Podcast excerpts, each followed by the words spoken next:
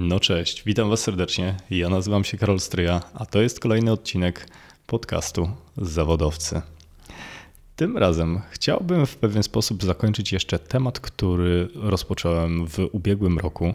Była to rozmowa z Wojtkiem Jureckim na temat klasycznej motoryzacji, którą nagraliśmy w niesamowitym, zjawiskowym, uroczym Maserati Camsinie z lat 70. I chciałbym dzisiaj Was zaprosić do wysłuchania drugiej części naszego spotkania, podczas gdy już odstawiliśmy samochód do garażu, usiedliśmy sobie na ulicy Koszykowej w ogródku w jednej z restauracji, notabene w jednym z najlepszych miejsc w Warszawie do carspottingu. I cóż, i dyskutowaliśmy dalej o tym, jak zaczęła się miłość Wojtka do samochodów, dlaczego nowe auta są nudne jak flaki z olejem i na czym polega w sumie ta magia klasycznej motoryzacji, gdzie podział się powab i czar tych pojazdów na czterech kołach. Rozmawiamy na różne tematy. O tym między innymi jak e, Wojtek czerpał wiedzę na temat samochodów jeszcze w latach ciężkiego komunizmu, o legendach, o Porsche, o Peugeotie, o Toyocie, o przeróżnych tematach. Zapraszam Was serdecznie do wysłuchania tej rozmowy. Nie przedłużając, życzę Wam wszystkiego dobrego, gdziekolwiek jesteście, o jakiejkolwiek porze słuchacie tego podcastu. Miłego dnia, popołudnia, dobrej nocy i do usłyszenia w kolejnym odcinku.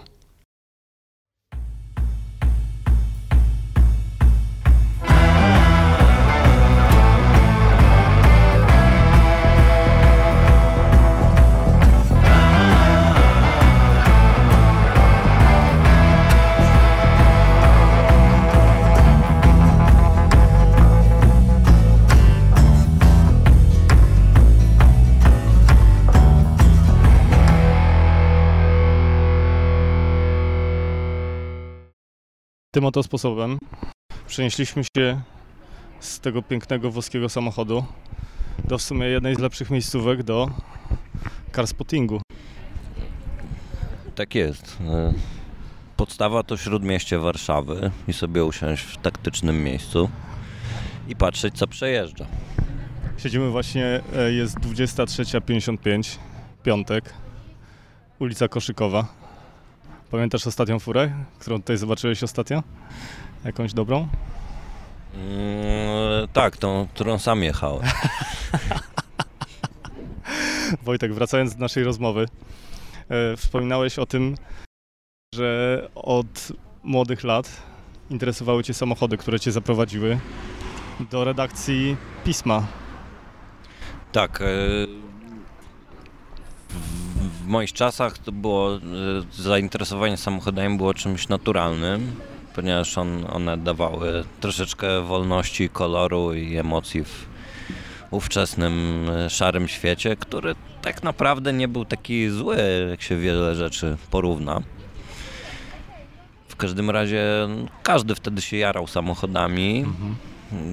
Dzisiaj jest to coraz rzadsze zjawisko, czego się nie dziwię, bo nowe samochody są nudne jak flaki z olejem i już nawet, nawet jeśli gadamy o jakichś super samochodach, no to już to nie jest to co kiedyś. To jeżdżenie nimi jest strasznie łatwe i mogą mieć milion koni mocy, ale, ale już nie, nie mają w sobie tego, tego połączenia yy, urody, powabu, su, mhm. subtelności, ale i dzikości, którą, którą miały ówczesne auta. Y,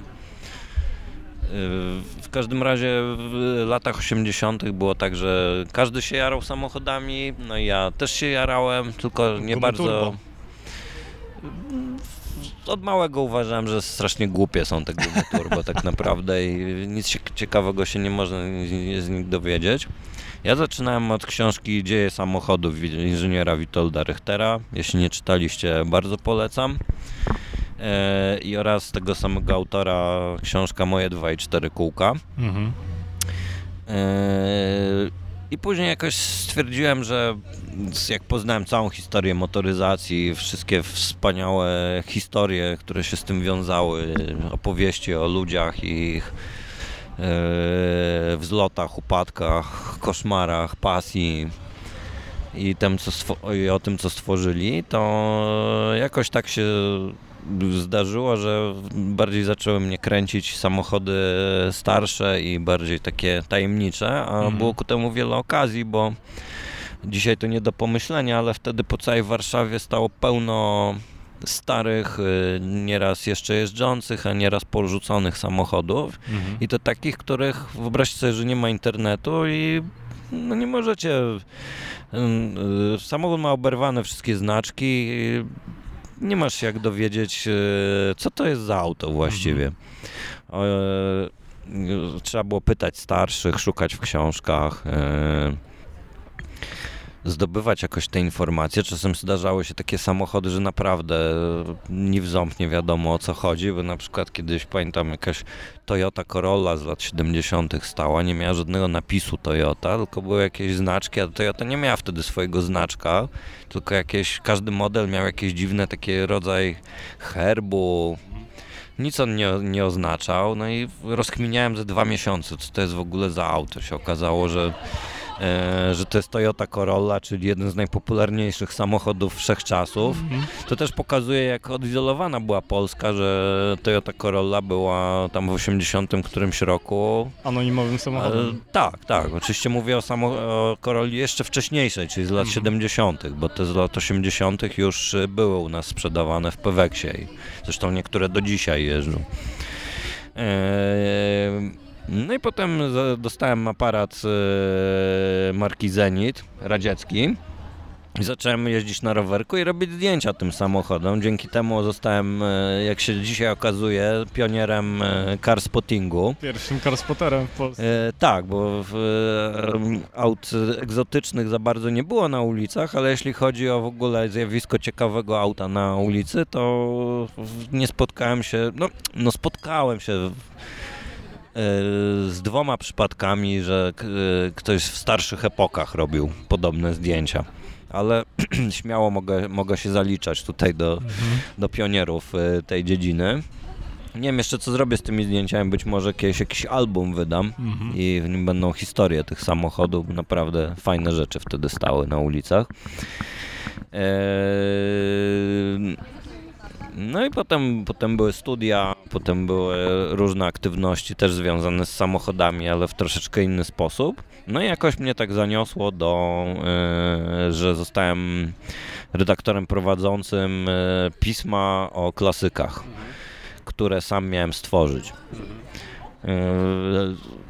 Pomysł, pomysł brał się również z tego, że kiedy tylko zaczęło się ukazywać pierwsze polskie pismo o klasykach, czyli automobilista, to je czytałem namiętnie, tylko że strasznie mi różne rzeczy przeszkadzały, strasznie y, podejście y, takie zupełnie bez polotu i bez fantazji. Właściwie no, mogłem przeczytać 10 stron o samochodzie, a na koniec nie wiedziałem, czy to jest dobry samochód, czy nie, czy on fajnie jeździ, czy czy on jest, y, czy on w jakiś sposób jest y, znaczący i doniosły.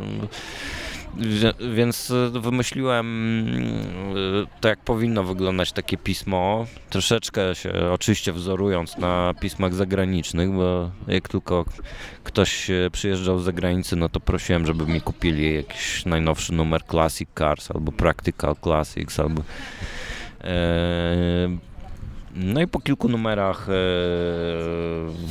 e, po kilku numerach GT Classic, e, kiedy wydawca stwierdził, że nie chce dalej to kontynuować, to cała zbudowana baza know-how, kontaktów nie mogła pójść na marne, więc kilka osób założyliśmy nowe pismo. Ono się nazywa, nazywa się Classic Auto. No i byłem jego redaktorem naczelnym od dnia założenia aż po aż do pół roku temu. Kiedy to postanowiłem y, pójść swoją drogą, no i teraz y, idę dalej tą drogą, pozostaję w świecie klasyków, nie zmieniam jakby kierunku na jotę, natomiast y, w przygotowaniu jest inny, mhm. innego rodzaju projekt, który E, jak e, ląd w dynamicie teraz jest w trakcie dopalania się. Także mam nadzieję, że już niedługo będę mógł e, bardziej uchylić rąbka tajemnicy. Fantastycznie. Pozwól, że jeszcze zapytam Cię o Classic Auto, bo ja pamiętam ten pierwszy e, numer i pamiętam e, ten kontrast, jaki zobaczyłem właśnie w porównaniu z automobilistą. Wy mieliście świadomość tego, że tworzycie całkowicie coś nowego? Mieliśmy świadomość, ale nie mieliśmy świadomości jak bardzo. Mhm. To znaczy myśleliśmy, że mm, było dużo ludzi, którzy e, to spodobało im się mhm. i powiedzieli, o fajnie, tak trzeba to robić. Ale równie dużo było ludzi, którzy absolutnie tego nie akceptowali i byliśmy wręcz w pewnych kręgach, byliśmy mhm. wręcz nienawidzeni i traktowani jako tacy, którzy szukają sensacji, płytko się interesują. A bez cienia jakby fałszywej skromności względem siebie ani kolegów mogę powiedzieć, że było dokładnie na odwrót, że 12 stron danych technicznych i wymieniania jakie kolory karoserii były dostępne, mm -hmm. to dla mnie to jest płytkie zainteresowanie. Natomiast pokazać jaki był kontekst e, kulturowy Kultura. epoki danego mm. samochodu, jak on się miał, miał do konkurencji, kto nim jeździł, a kto nim nie jeździł. Wszystkie e, smaczki. Tak, co, całe smak. tło, tło społeczne wręcz, mm. danego nawet modelu samochodu yy, okazuje się nieraz tak ważne i mm, postawiłem na nie, krótko mówiąc. Również dlatego, że, że z wykształcenia jestem antropologiem kultury. E, I zaczęliśmy podejmować coraz więcej tego typu tematów, takich nie, nieoczywistych samochodowych, czyli nie tylko, że opisać samochód i i cześć, tylko coś e, przedstawić e, właśnie w jakimś szerszym tle. No i mogę powiedzieć, że kilka takich dość e, rewolucyjnych materiałów.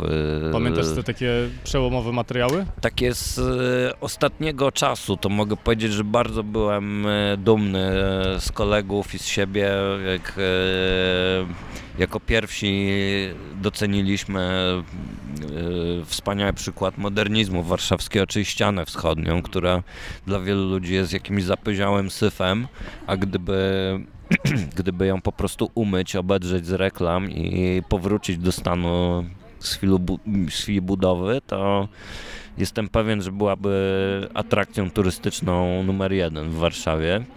No i kiedy zaczęto rozwalać rotundę, wzięliśmy Warszawę 20 i w nocy ruszyliśmy zwiedzać zakamarki ściany wschodniej, docierając do takich miejsc, że e, niektóre zdjęcia jakbym wam powiedział, o, Dolny Manhattan, to, o, rzeczywiście, Dolny Manhattan. No. Nie, niesamowita, niesamowita jest ściana wschodnia, bardzo wam polecam zajrzeć do właśnie takich miejsc jak zjazdy do garaży, jak przejście pomiędzy e, wieżowcem a kinem Relax, to, mhm. to są, e, to jest, to jest prawdziwa wielkomiejska architektura mhm.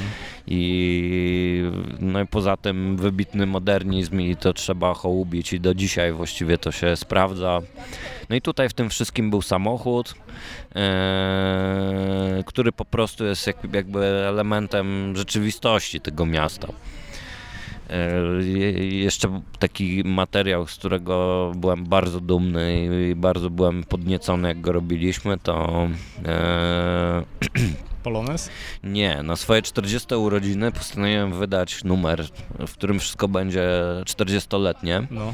I między innymi zajęliśmy się tym, co w roku mojego urodzenia, czy 76 się działo w Polsce, za granicą. E, opisywaliśmy samochody, które wtedy akurat wyszły co się zmieniło w świecie motoryzacji. Mhm. E, no i wtedy przypadała też rocznica e, uruchomienia mm, katowickiej, czyli e, Gierkówki. czyli Gierkówki, tak. Wyobraźcie sobie, że do czasu zbudowania Gierkówki, czyli do 76 roku, E, nie mieliśmy w Polsce ani jednej dwupasmowej drogi porządnej. Znaczy mieliśmy. Mieliśmy. No, ale zbudowano, otwieraną, otwieraną w 1936 roku osobiście przez Adolfa Hitlera. Mhm. Jednym słowem, yy, niestety do dzisiaj jest to aktualne, można powiedzieć, że pols polscy drogowcy zawsze byli do dupy. Yy, my ruszyliśmy dużym Fiatem, yy, zabytkowym oczywiście. Mhm przejechaliśmy całą Katowicką i zwiedziliśmy tam setki magicznych miejsc, o których e, nie, ma, e, nie miałem pojęcia, różnych reliktów, które się jeszcze stały z lat 70., 80. Również, również. Na przykład jest taki zajazd e, przed Częstochową, który ciągle ciągle jest tak, że można sobie tą zupkę i oranżatkę wziąć na zewnątrz i stanąć pod takim daszkiem, grzybkiem betonowym. Aha. To był taki charakterystyczny element. Rozmawialiśmy o tych grzybkach zresztą, prawda? O tych daszkach takich. Czy mówisz o innych? Yy, nie, nie, to są takie grzybki takie na, że dwie osoby się pod okay, nim zmieszczą. Rozumiem. E, albo po, pozostałości pobliskiej willi e, towarzysza Gierka e, pod Piotrkowem Trybunalskim, czy no, masa takich miejsc związanych z historią Polski. Czy zajazd, w którym kręcono film Kroll. No, no, cała, al, albo na przykład Motel George, w którym była słynna strzelanina. zresztą o Mercedesa się strzelali w latach 90. Pruszków z Wołominem, także Także to uważam, no było, był, świetny, bardzo taki romantyczny materiał. Z, z, wielu z nich właśnie jestem dumny i uważam, że bardzo wiele nasza ekipa e, zmieniła w postrzeganiu klasyków i być może to yy, my byliśmy tymi, którzy sprawili, że stały się czymś więcej niż yy, bandą wariatów w polarach i z brudnymi rękami, którzy jakimś starym złomem jeżdżą. Ja pamiętam, ile się zmieniło właśnie od tego czasu, kiedy wydawaliście to pierwsze wydanie. No, teraz wokół tego stworzył się cały ekosystem. No, yy, wyścigi, kolekcje, giełdy. Zobacz nawet y, coś takiego jak y, wyjechać na miasto klasykiem, jak zupełnie czymś innym jest dzisiaj. Kiedyś to po prostu się jeździło tymi samochodami, a teraz oczywiście można jeździć tak po prostu. Na przykład ja tak jeżdżę na co dzień zabytkowym samochodem, ale jednocześnie jest taka kultura, że wytworzyła się, że jest to taki moment odświętny mhm. i każdy, kto wyjeżdża klasykiem na miasto, moim zdaniem powinien dostawać do, dopłaty od y, władz miejskich, ponieważ on w ten sposób ubogaca naszą kulturę, Oczywiście. sprawia, że ludzie się uśmiechają i ogólnie świat się robi piękniejszy. Mhm. Kiedy zaczynaliśmy e, wydawać Classic Auto, to myśl, wiedzieliśmy, że taki moment, kiedy e, stanie się to kulturą, pewnym rodzajem e, pozytywnego lansu i, i elementem stylu życia, takim, że kurczę, no mam taki świetny samochód, no to nie mogę jak za przeproszeniem łapserdach wyglądać więc, e, więc zainteresuję się tym też, żeby się ładnie ubrać e, i tak dalej.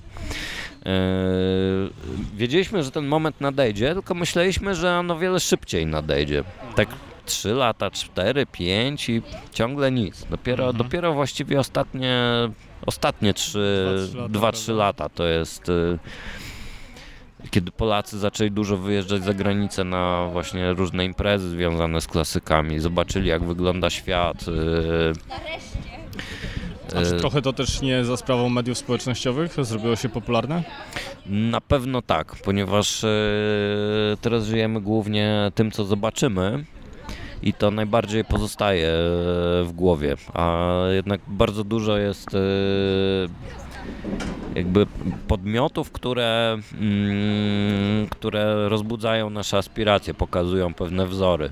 My też staraliśmy się to robić, tylko niestety mm, niestety troszeczkę e, nie byliśmy do końca rozumiani i to bardzo wolno się przebijało. Mhm do świadomości. Z czasem zrobiliśmy taką odnowę graficzną pisma i merytoryczną i wtedy mhm. pojawiły się treści zupełnie niesamochodowe. Zaczęliśmy pisać o różnych ikonach polskiego designu i w ogóle techniki. Zaczęliśmy pisać o jakichś zabytkowych rowerach, samolotach, y, o związkach mody z samochodami.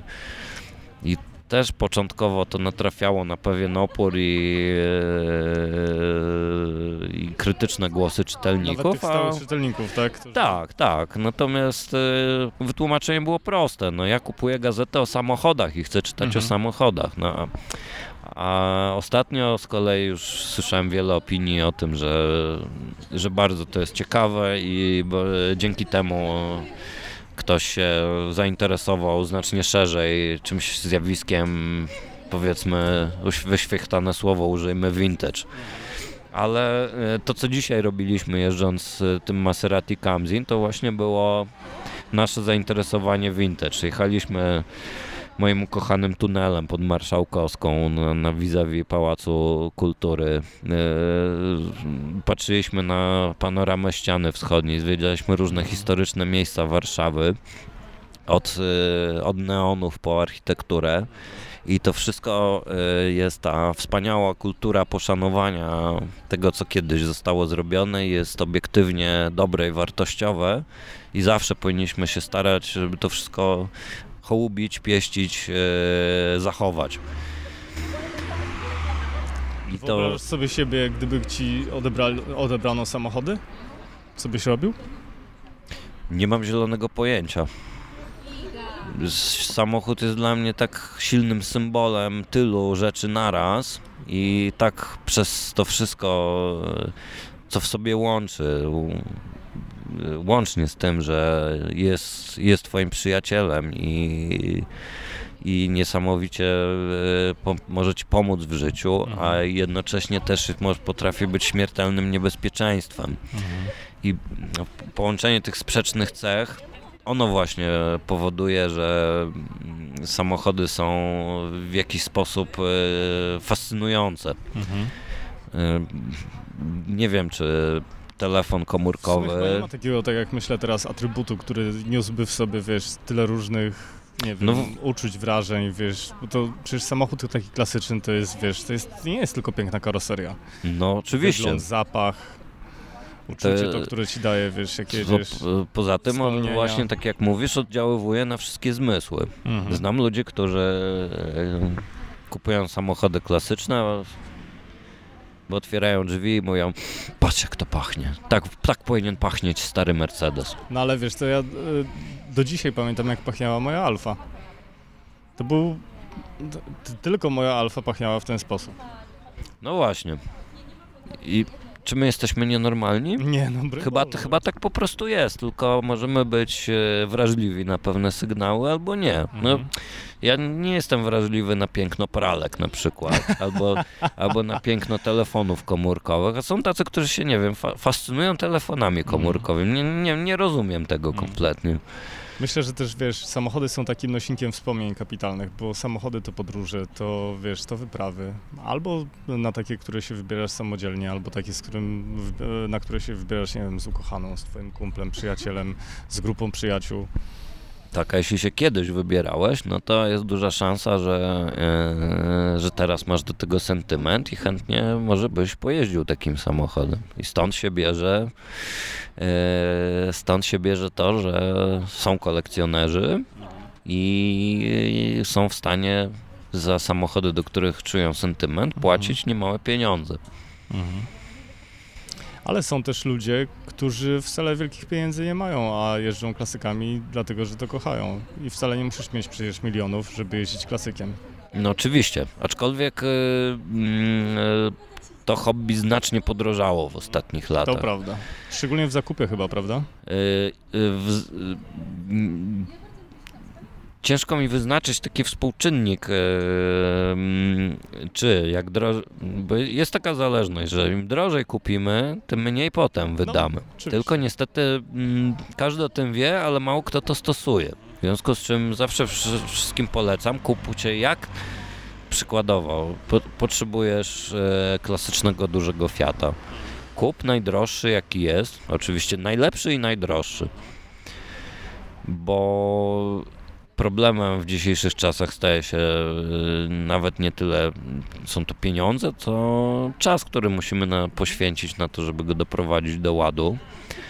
I niestety coraz większy problem jest w Polsce z warsztatami i fachowcami, którzy by to robili na poziomie. Mimo tak, tak, widzę, że robisz wielkie oczy.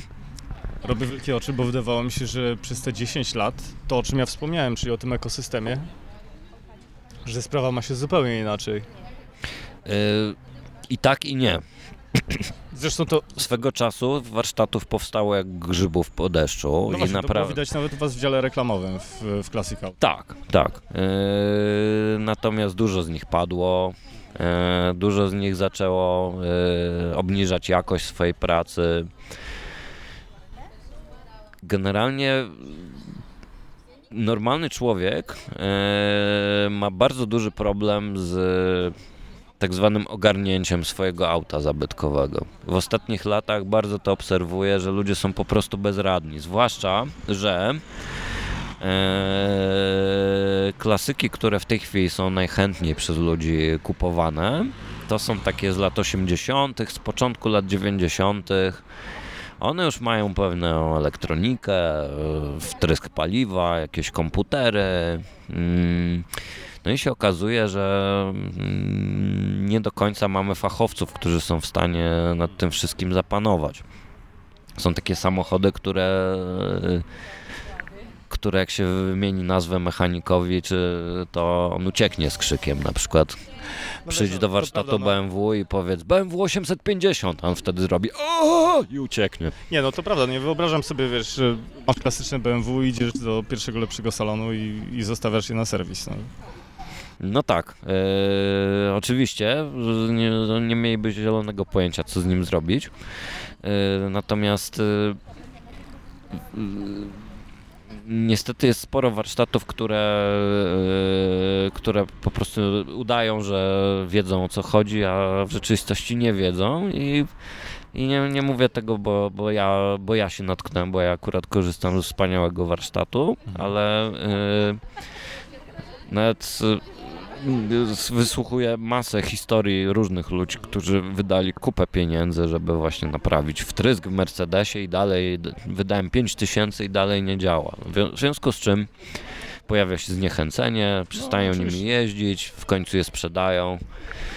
Także e, do, rada y, business tip y, Kup najdroższy, jaki... Kup najdrożej i najlepszy, możesz jaki możesz, a jak nie chcesz tym jeździć, to załóż warsztat i uczciwie i dobrze naprawiaj te samochody. To nie jest, to nie jest tak zwany rocket science. To... Jest trochę takie rzemiosło, mi się wydaje. Że brakuje po prostu chyba uczciwych rzemieślników, którzy znają się na swoim fachu e, samochodowym takim. Niestety bardzo dużo fachowców traktuje e, właścicieli klasyków jak takich e, durnych jeleni. Mhm. Ponieważ czasem jest to pan, który jest ładnie ubrany, to na pewno on jest jakimś cholernym inteligencikiem, którego trzeba po prostu skasować bez sensu na no, znaczną sumę pieniędzy. Także w momencie, kiedy zmieni się to podejście, to na pewno będzie to, Polska będzie rajem dla klasyków, bo ci fachowcy są. Mhm tylko większość z nich pracuje dla klientów zagranicznych, a prosimy, żeby bardziej się pochylili nad Mówisz, tym, co mamy tu. z zagranicy? Yy, tak, tak, tak, tak. Polska, Polska jest zagłębiem restaurowania samochodów yy, dla klientów zagranicznych. Mamy masę warsztatów, które mają yy, specjalizację daleko, daleko jakby posunięte. W sensie brytyjskie, tak? Tak, albo nawet do konkretnego modelu samochodu, o, typu Mercedes 190 SL, Mercedes SL Pagoda albo Aston Martin. Mamy w Polsce specjalistów od pogody? Yy, mamy, mamy, mamy. Nawet, a, a, właśnie druga część to jest yy, wytwarzanie części. Mhm.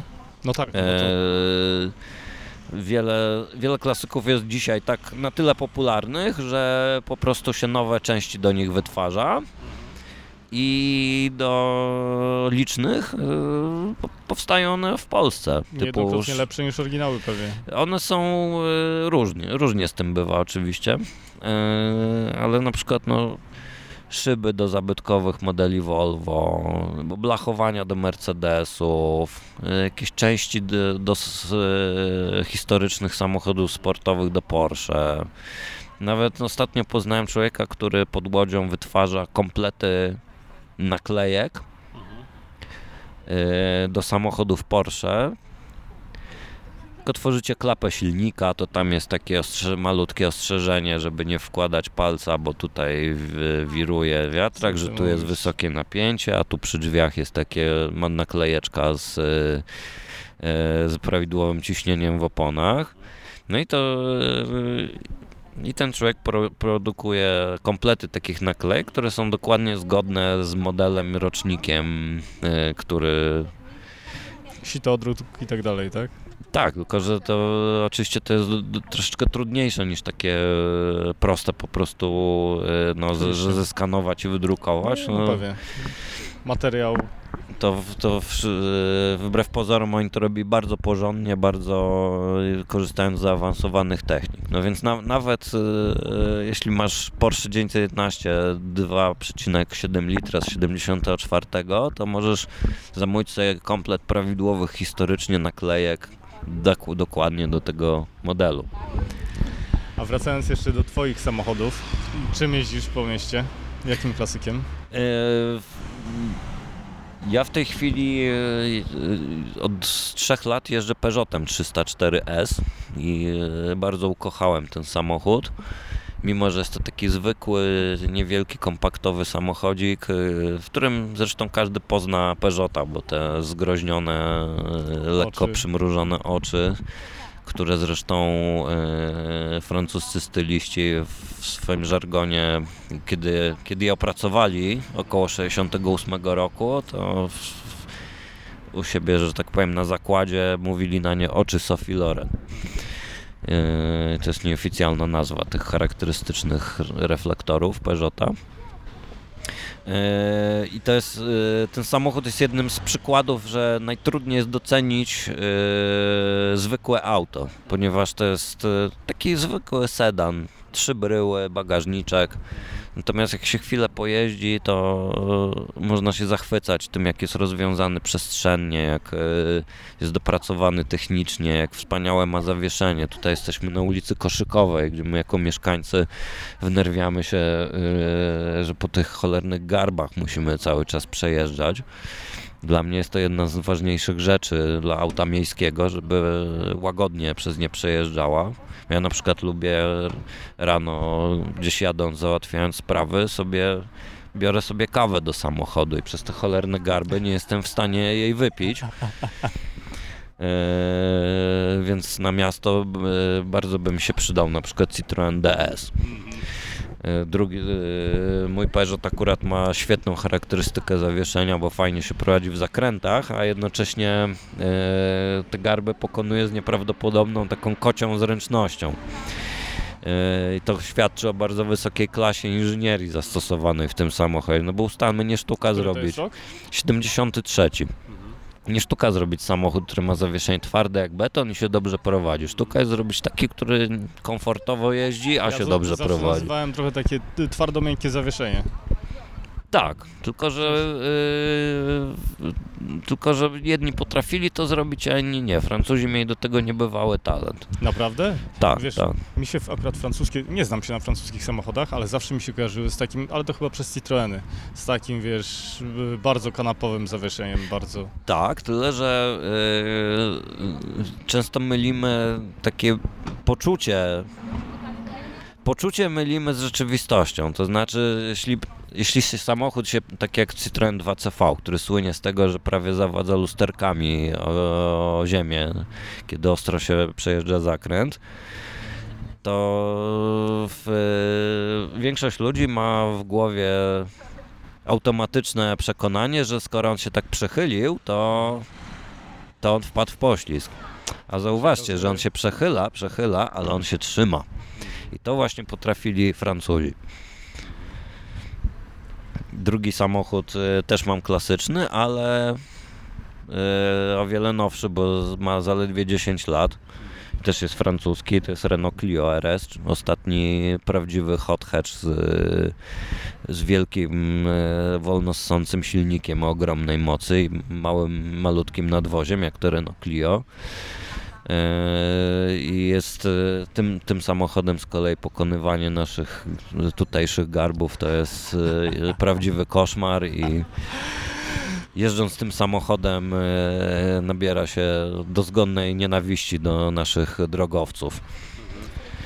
I mimo, że to jest mój samochód codzienny, mi ma tylko 10 lat, też go traktuję jako klasyka, ponieważ już się nie robi takich samochodów. W tej chwili to już właściwie silniki są w zaniku, za chwilę czeka nas elektryczna rewolucja i Chyba nie, nie do odwrotu już to, prawda? Nie ma szans.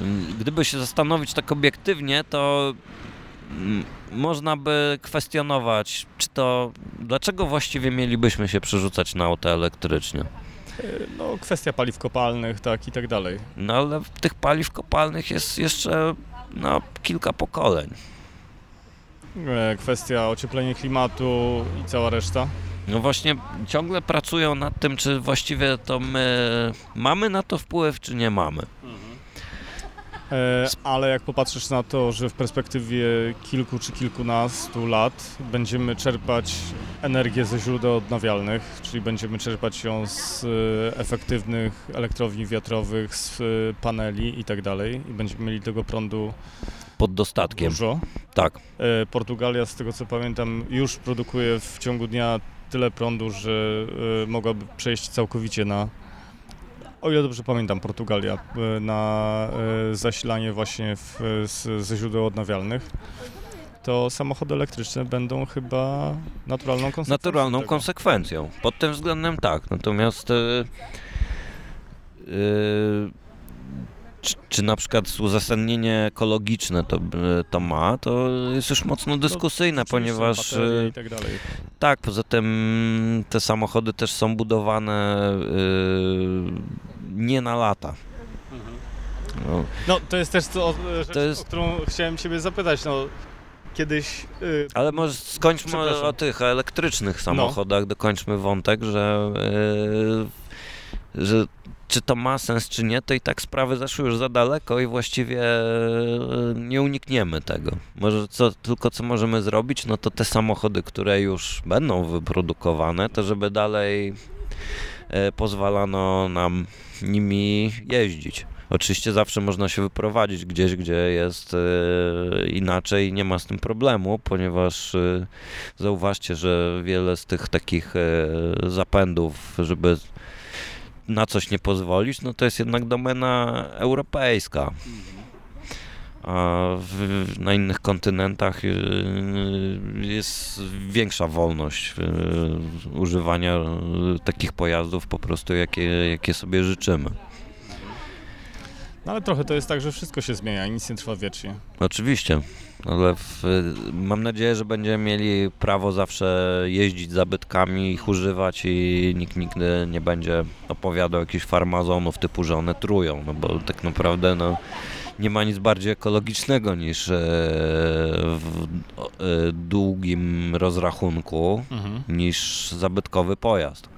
Właśnie ze względu na to, że jest to raz wytworzone mhm skomplikowane i drogie dobro, urządzenie techniczne, które pozostaje przez dziesięciolecia w eksploatacji, to y, przez ten czas wedle miar dzisiejszych samochodów, no to musiałoby to jest równowartość jakichś 30-40 aut dzisiejszej generacji, które są, które są planowane na mm, bardzo krótką eksploatację. Tak związku z czym no, w, to czy nam smrodzi pod noskiem, czy nie, y, dla Matki Ziemi jest y, mniej istotne niż to, czy my przypadkiem nie wytwarzamy miliarda zderzaków rocznie, które potem są składowane. W Afryce.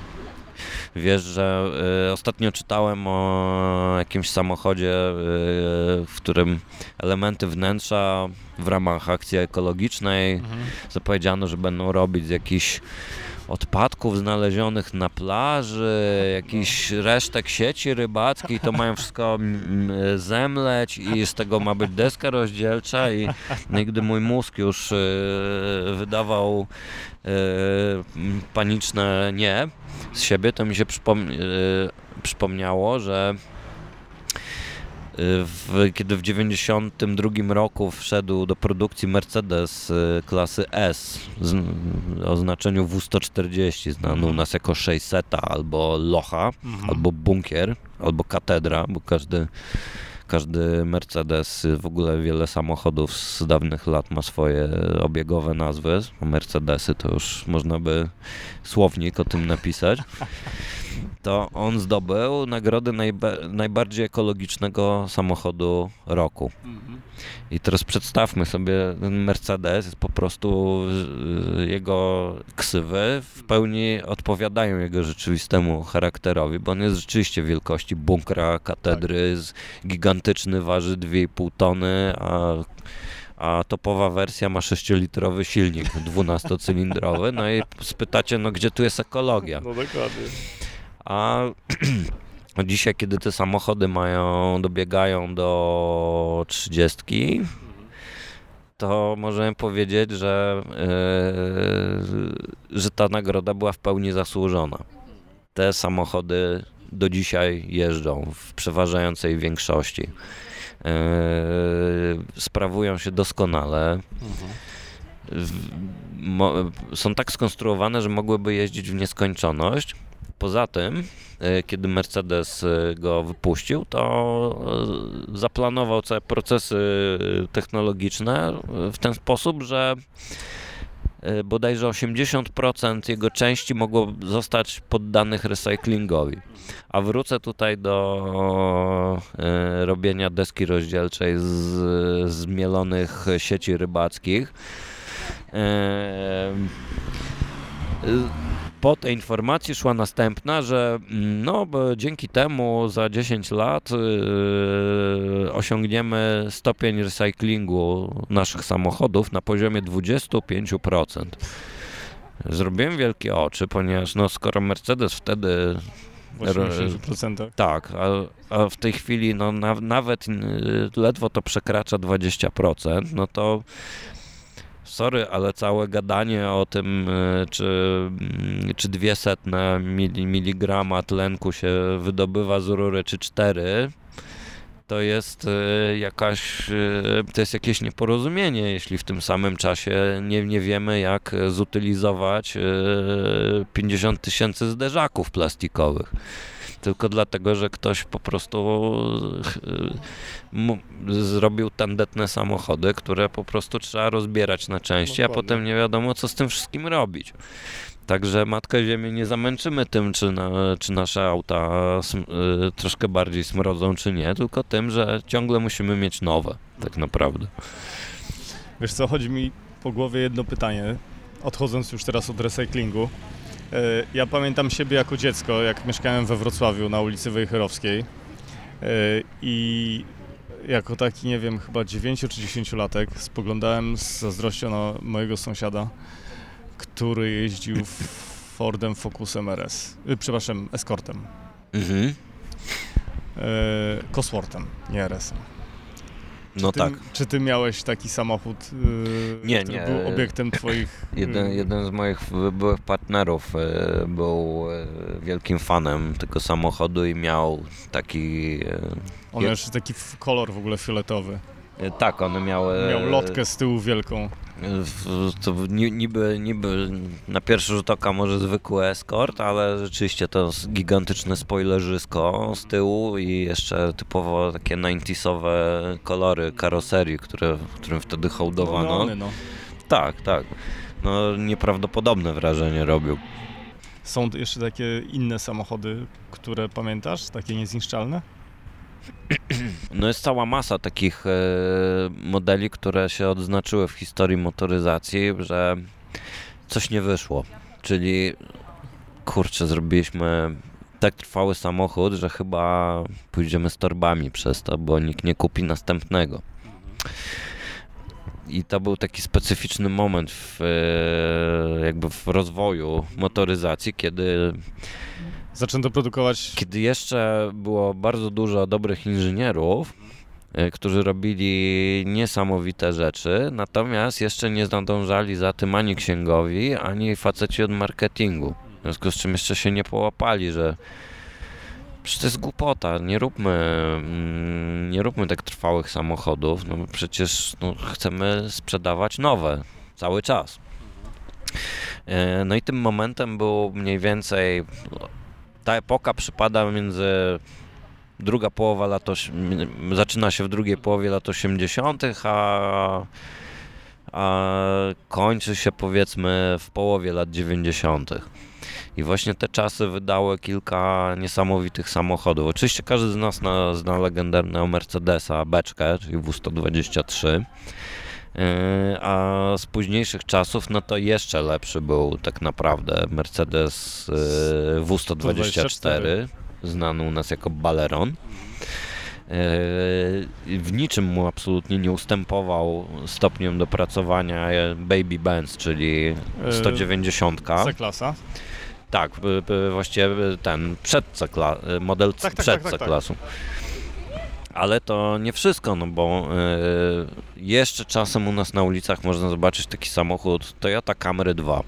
Mhm. One były sprzedawane w Peweksie. Mało, mało kto wie, że te auta są absolutnie niezniszczalne. Takim y, samochodem, który mógłby, nie wiem czy by nie zawstydził Mercedesów, było pierwsze Subaru Legacy.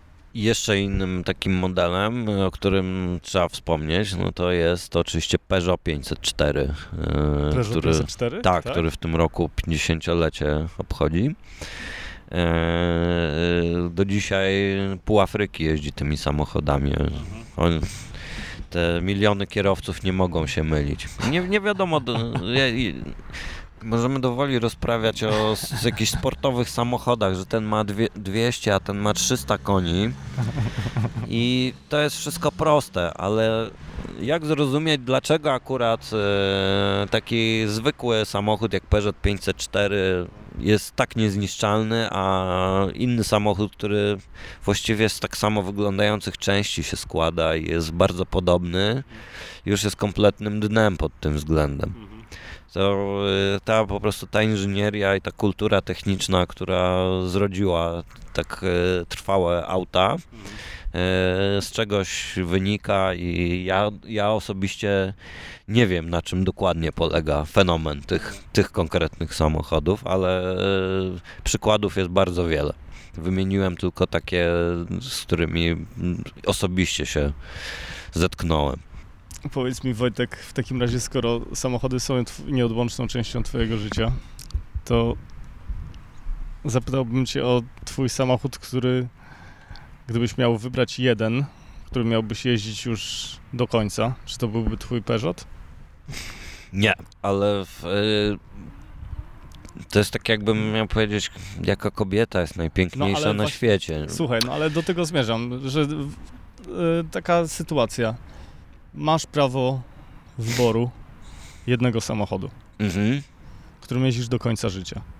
Ja wiem, że samochód jest sportowy, terenowy, jest, to jest w ogóle każda, yy, każda dziedzina to jest osobna bajka.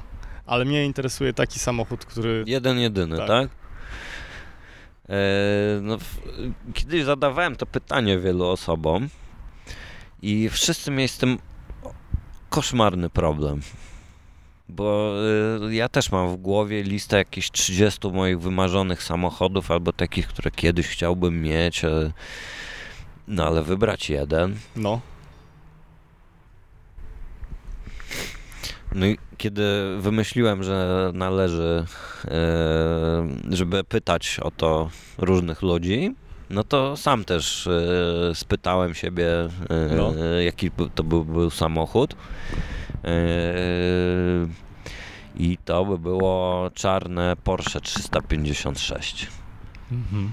Wersja z dachem. To był rok który?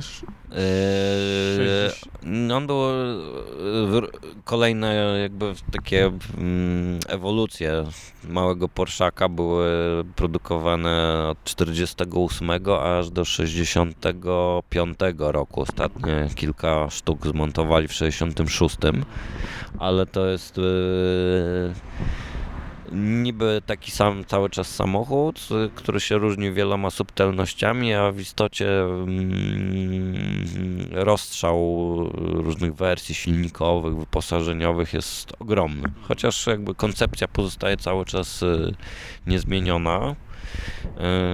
Y, no i dla mnie ten samochód jest taką totalną kwintesencją Y, syntezą powiedzmy pojęcia samochodu sportowego, który jednocześnie y, łączy w sobie dobre osiągi, ale one nie wynikają z jakiegoś y, ekstremalnej inżynierii, mm, takiej, że na przykład osiąga ogromną moc, tylko postarano się o to, żeby on był jak najlżejszy, ma niewielkie wymiary, a przy tym jeszcze jest samochodem niebywale solidnym. Jest facet w Kalifornii, który e, od, od, nowości ma bardzo podobne właśnie Porsche i właśnie przekroczył milion mil. Żartujesz. I te Porszaki są, one były absolutnie niesamowita była jakość wykonania tych mhm. samochodów. Dzisiaj, kiedy się je restauruje, to jest e, w Polsce można spotkać troszeczkę źle odrestaurowanych y, Porsche 356, ponieważ y, trzeba być naprawdę doskonałym fachowcem, żeby zbliżyć się do tego poziomu, który oni wtedy narzucali w pasowaniu karoserii, w, y, w precyzji, w precyzji. Tak, aczkolwiek yy, nie, nie było to na poziomie jak w Rolls Royce, że jeden pan sobie tam yy, metodycznie coś dłubie, tylko yy, był to rodzaj takiej taśmy, tyle że, tyle że obsługiwanej w pełni przez ludzi. No i zro, zrobiłem sobie rachunek sumienia i stwierdziłem, że tak, że tym samochodem mógłbym, mógłbym już z nim pozostać na zawsze. A ile kosztuje taki ładny egzemplarz? E, bardzo duży jest rozrzut cenowy, ponieważ... E, Zgodnie z twoją zasadą, gdybyś miał kupić tak. taki... Tak, tylko problem jest w tym, że y, mnie również pociągają samochody, które nie są piękne i wypieszczone, a do Porsche 356 wyjątkowo pasuje image taki, że on może mieć odrapany lakier, który ma 40 lat te temu był nałożony. Tak, tak, tylko taki nie, że ktoś go wziął i wystylizował, tylko że to jest e, wszystko w boju i w, w trakcie wieloletniej eksploatacji. I akurat temu Porszakowi wyjątkowo jest tym do twarzy, jest e, niezwykle stylowy jako, e, jako taki e, fajny odrapaniec. E, także nie musiałbym kupować takiego super drogiego egzemplarza. No i też jest to zagadnienie, że one zależnie od rocznika to miały różne silniki, jedne wersje są bardzo rzadkie, Generalnie mm, znać się na Porsche czy 5.6 to projekt znać się na winach. To jest naprawdę ogromny, ogromny, mm, bardzo bogaty świat. Ja miałem okazję kilkoma egzemplarzami pojeździć. Znam mniej więcej różnice między nimi. Y, I stwierdziłem, że w sumie to chyba wystarczyłby mi taki zupełnie zwykły. Y, I tej chwili e, to jest tak, że mm, mm, ten samochód przeżywa swoją właściwie trzecią młodość, bo nie można mówić drugą, ponieważ e, on zawsze był. E, Porsche 356 zostało zastąpione przez Porsche 911. No bo 911 jest tak spektakularne w każdej swojej odsłonie, że ono zupełnie jakby przyćmiło jest... mniejszego brata wtedy. I dopiero w latach 90. E, Porsche 356 wyszło na świat jako samochód kolekcjonerski. O dziwo, jedni z pierwszych, którzy się mm, stwierdzili, że to jest fajne auto i niekoniecznie musi być traktowane jako szybszy garbus albo gorsza 911. Byli Japończycy i oni masowo kupowali, wtedy ceny poszły w górę. W latach 90. też była bardzo rozrośnięta bańka inwestycyjna w samochody klasyczne. Ona później pękła, ceny spadły i dopiero teraz. Yy, jakieś ostatnie 3-4 lata możemy mówić o e, bardzo raptownym wzroście cen tych samochodów. Po prostu nie wiem dlaczego, ja zawsze doceniałem ten samochód i czasami tak patrzę, że strasznie głupi są ci kolekcjonerzy, bo tak trzeba im powiedzieć, jak krowie na miedzy, to jest fajny samochód. I oni tak chodzą, chodzą, chodzą, rok, drugi, trzeci, o, to jest fajny samochód. E, no więc e, teraz może, o ile kilka lat temu, typu z 50 tysiącami euro w kieszeni można było naprawdę przebierać i wspaniałe egzemplarze kupować, to teraz jeśli trafi się jakiś samochód w rzadkiej wersji i w bardzo dobrym stanie, to ja już widziałem 3-5 szóstki po na 250 tysięcy euro. Przy czym nie jest powiedziane, że takie odrapaniec, o którym wcześniej mówiłem, będzie tańszy. Będzie tańszy. Ponieważ już wszystkie zostały prawie odrestaurowane, to jeśli zdarzy się samochód, który ma jeszcze na sobie fabryczny lakier i fabryczną niezniszczoną tapicerkę na przykład, to jest równie wartościowy co, co samochód yy, odrestaurowany z największym pietyzmem.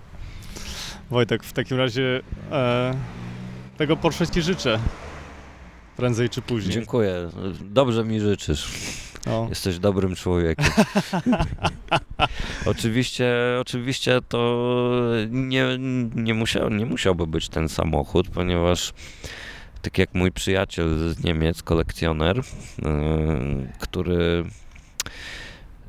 jest wielu ludzi, którzy tak e, jak kolekcjonują te zabytkowe samochody, no to tam kierują się jakimś zmysłem inwestycyjnym, a przy okazji to jest fajne auto, a, ale zasadniczo gdzieś tam kierują się ku jednemu, jednej dziedzinie. Jedni Jeden lubią, ja lubię Mercedesy, drugi ja tylko włoskie yy, i tak dalej a mój przyjaciel z Niemiec, kolekcjoner, on ma w swojej kolekcji po prostu niesamowicie, no, rozma- to jest rozmaitość, przeogromna rozmaitość jest samochodów, które on posiada, od Alfa Romeo Alfa Sud przez e, Trabanta z lat 60. Po, i Peugeota 205 po Aston Martina DB4 i Plimuta Barakudę, no. prawdziwego muscle cara. I kiedy go pytam, jak to jest, że że właśnie tutaj ludzie lubią takie samochody, takie, a ty lubisz i takie, i takie, i małe, i duże, i mocne, i poczciwe. On mówi, no bo ja kocham je wszystkie. No i ja Każdy mam... ma swoją historię. Tak, ale te, ja mam tak samo, no, że po prostu jest tyle, tyle potrafię docenić i mhm. potrafię się cieszyć e, zarówno takim samochodem, jak i zupełnie o innym charakterze i tak naprawdę nie mógłbym powiedzieć, czy mhm. że lubię auta sportowe, a terenowych nie lubię, mhm. no bo z kolei uwielbiam pierwszego Range Rovera na przykład. Mhm.